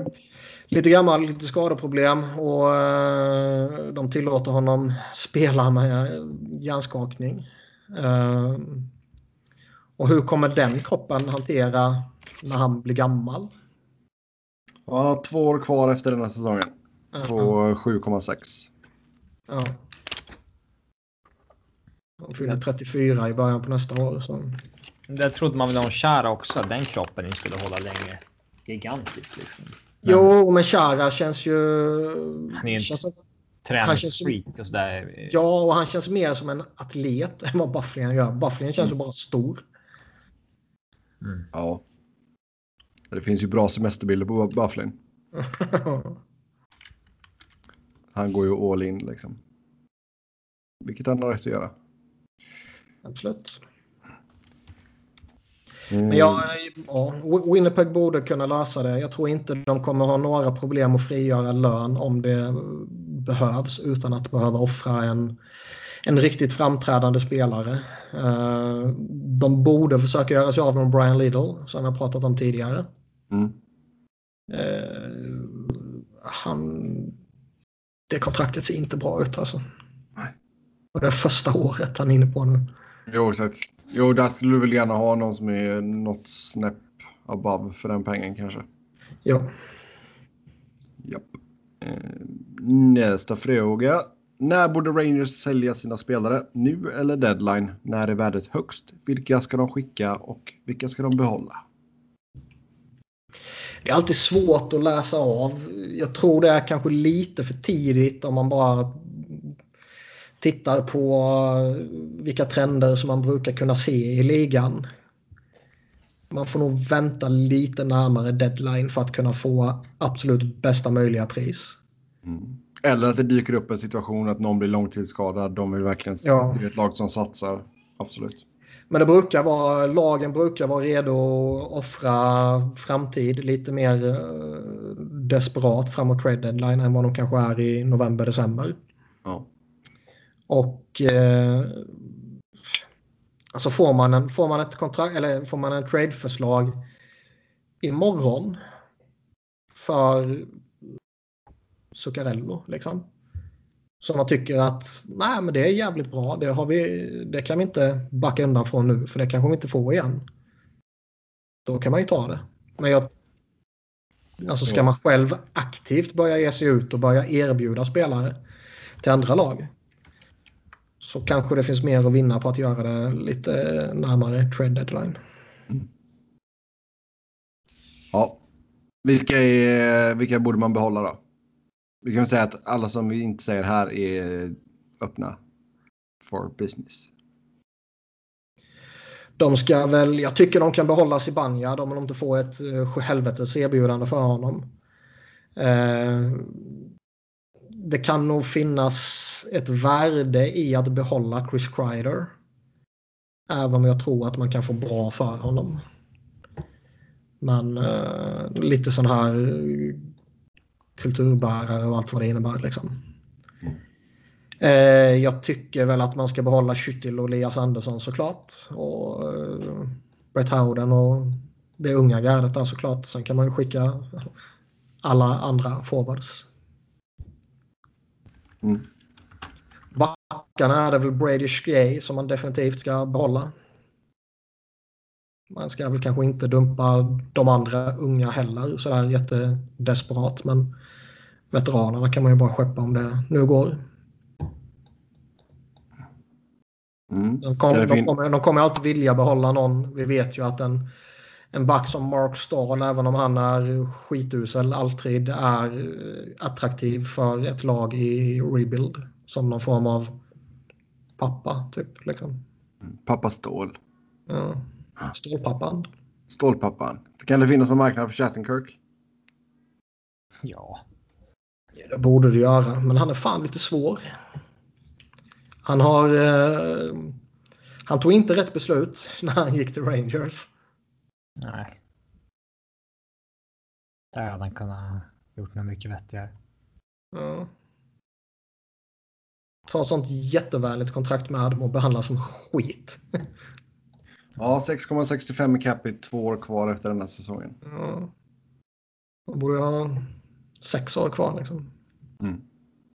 Och sen har vi sagt tidigare, Lundqvist stannar ju så länge som han vill helt enkelt. Ja. Så ja, nej men framåt deadline absolut. Det kan nog hända en hel del faktiskt för Rangers. Uh, Zuccarello och Kevin Hayes känns ju definitivt som att de kommer försvinna penning ur fas båda två. Mm. Och Zuccarello kanske kommer tillbaka till sommaren. Ja, mycket möjligt. Mycket, mycket möjligt.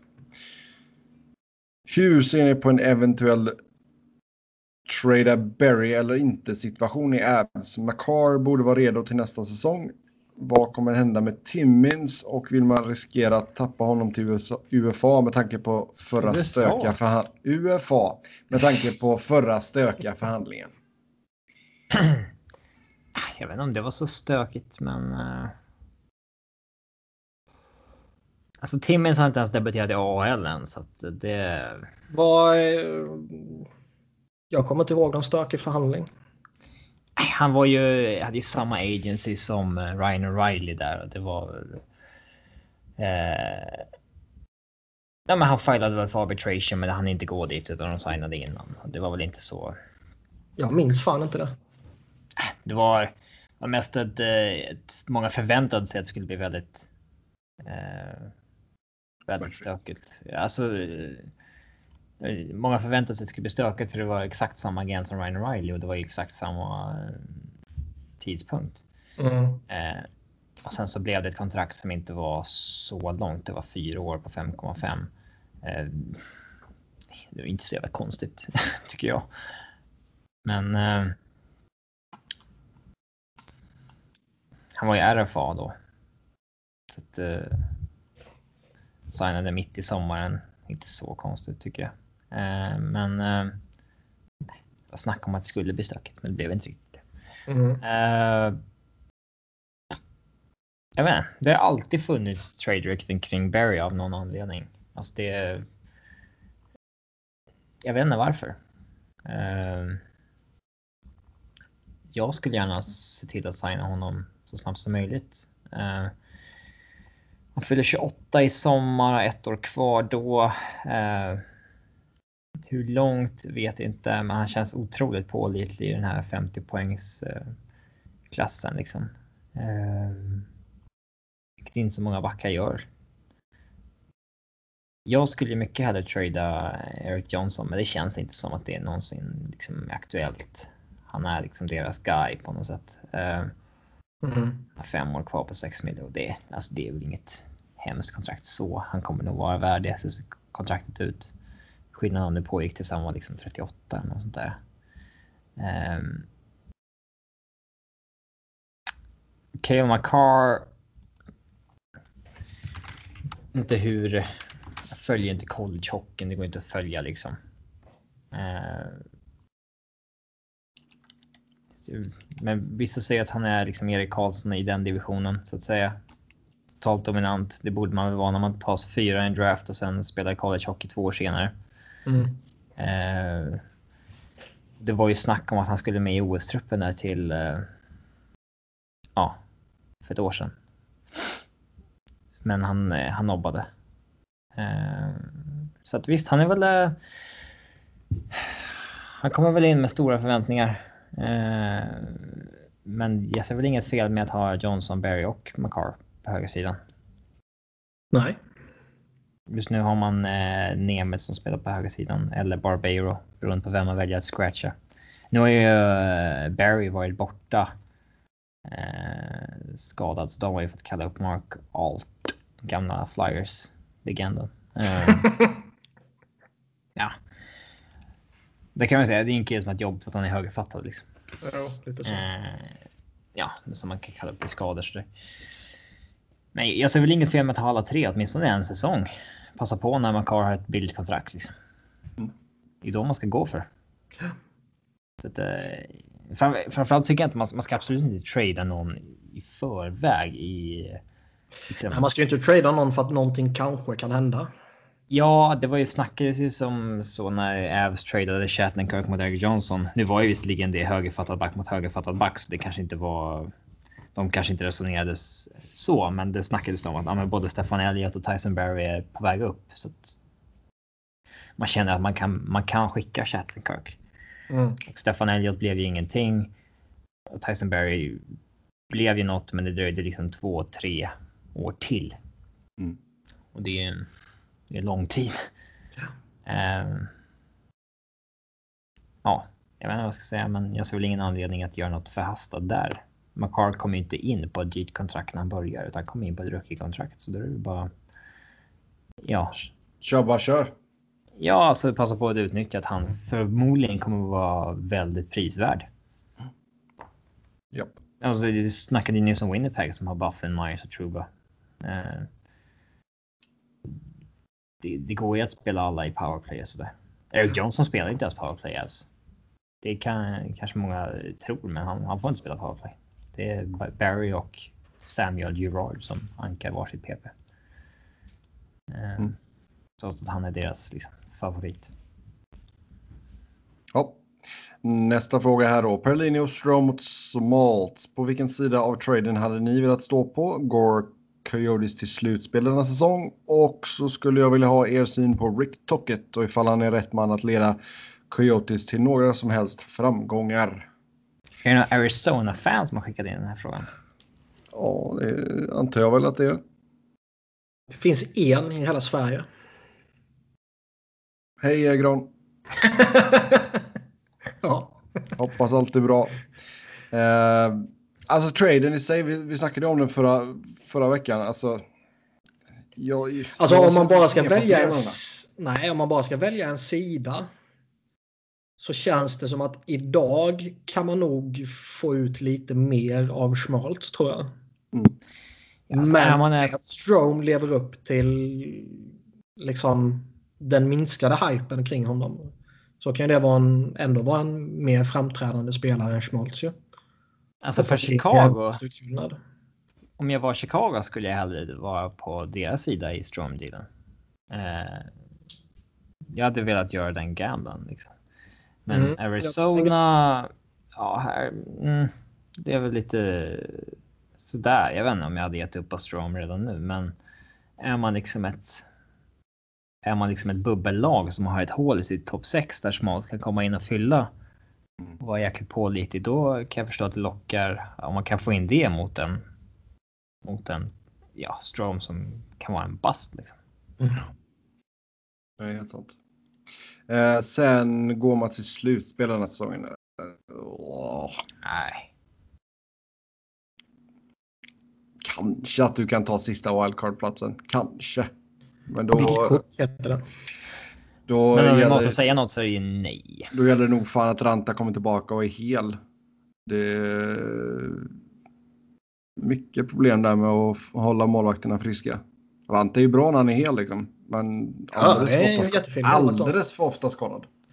Men eh, jag tror att de, jag tror de har all potential för att göra ett riktigt försök. Men jag tror det finns för många lag som är bättre än dem. Ja, jag förutsätter att man är avsevärt mycket bättre än förra säsongen i alla fall. Mm. Man kommer ju inte vara avhängda vid julafton. Rimligtvis inte. Nej. Och sen Rick Tocket, alltså jag är fortfarande inte riktigt klok på honom. Han, han, han alltså bilden jag får av honom är att han är jävligt bufflig. Han känns ju som han är samma coach som han har spelat typ. Ja. Det, det är nog mycket skrika och sådär i fel tillfällen tror jag. Mm. Uh, så envägsdialog liksom. typ. my, my way or the highway. Ja, lite så. Däremot han, alltså han, han ska ha varit väldigt uppskattad i Pittsburgh som assisterande. Mm. Um, men... Han kanske, han kanske skrek lite mindre då. Uppskattad av vem? Spelarna eller av Spelarna. ledning? Spelarna. Um, men man kan ju tänka sig också att man, alltså det är två helt olika roller. Och jag kan tänka mig att man som assisterande coach kliver in i en roll och blir man head coach så kliver man in i en annan roll. Uh, skulle väl inte förvåna. På samma sätt som man kanske, om du är assistant GM så uppträder du på ett sätt och sen blir du GM och då uppträder du på ett annat sätt. Mm. Om man ska hinta till Ron Hextall.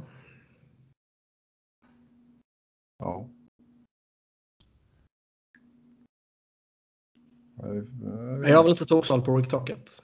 Nej. Eller så är hans brister bara för att han har varit i skitlag. Ja, vi får se vad som händer och fötter med Coyotes helt enkelt. Sen sist ut. Vet inte hur mycket koll ni har på Svenska idrottsgalan, men nomineringarna är igång.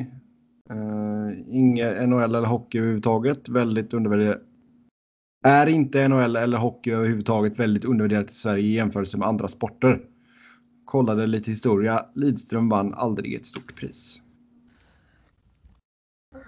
Eh, jag har noll koll på Svenska Idrottsgalan, ska jag villigt erkänna.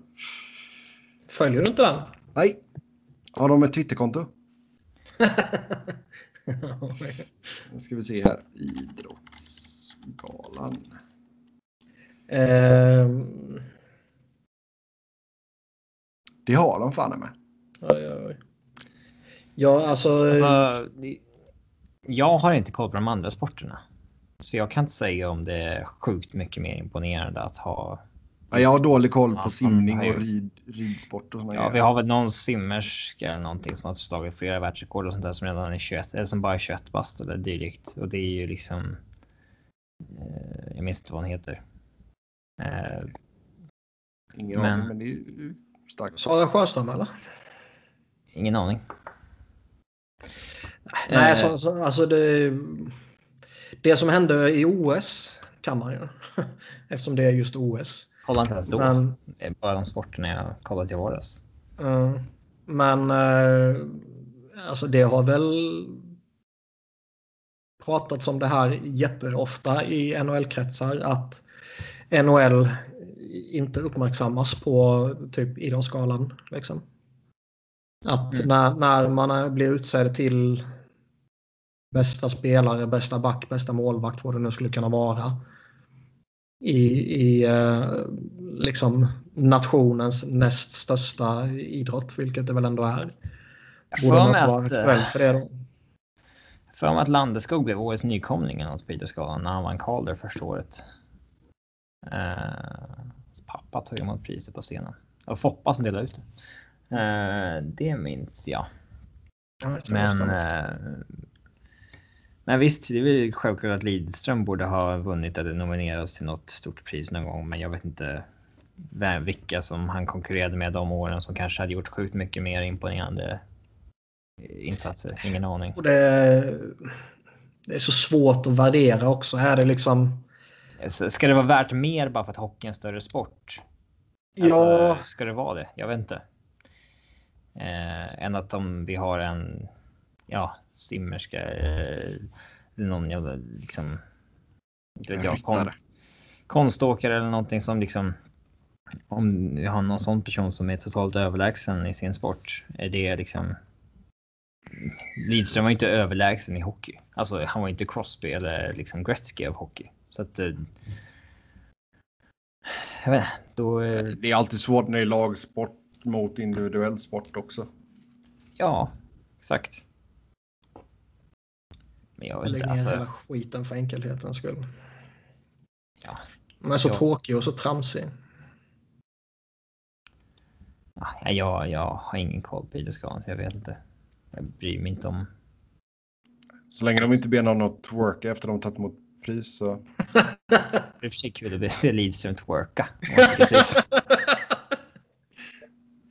Ja, det är något av det dummaste jag har sett. Ja, Och då menar jag Ja, inte. Lidas twerka utan frågan igår. ja. Så, så jävla dåligt va. Men men. Yes, med det så tar vi och säger tack och hej för den här gången. Som vanligt ska ni köra hockey med oss via Twitter. Mig hittar ni på @sebnoren, Niklas på Niklas Wiberg, Niklas C och Enkel V och Robin hittar ni på R underscore Fredriksson. Tills nästa gång, ha det gött, hej!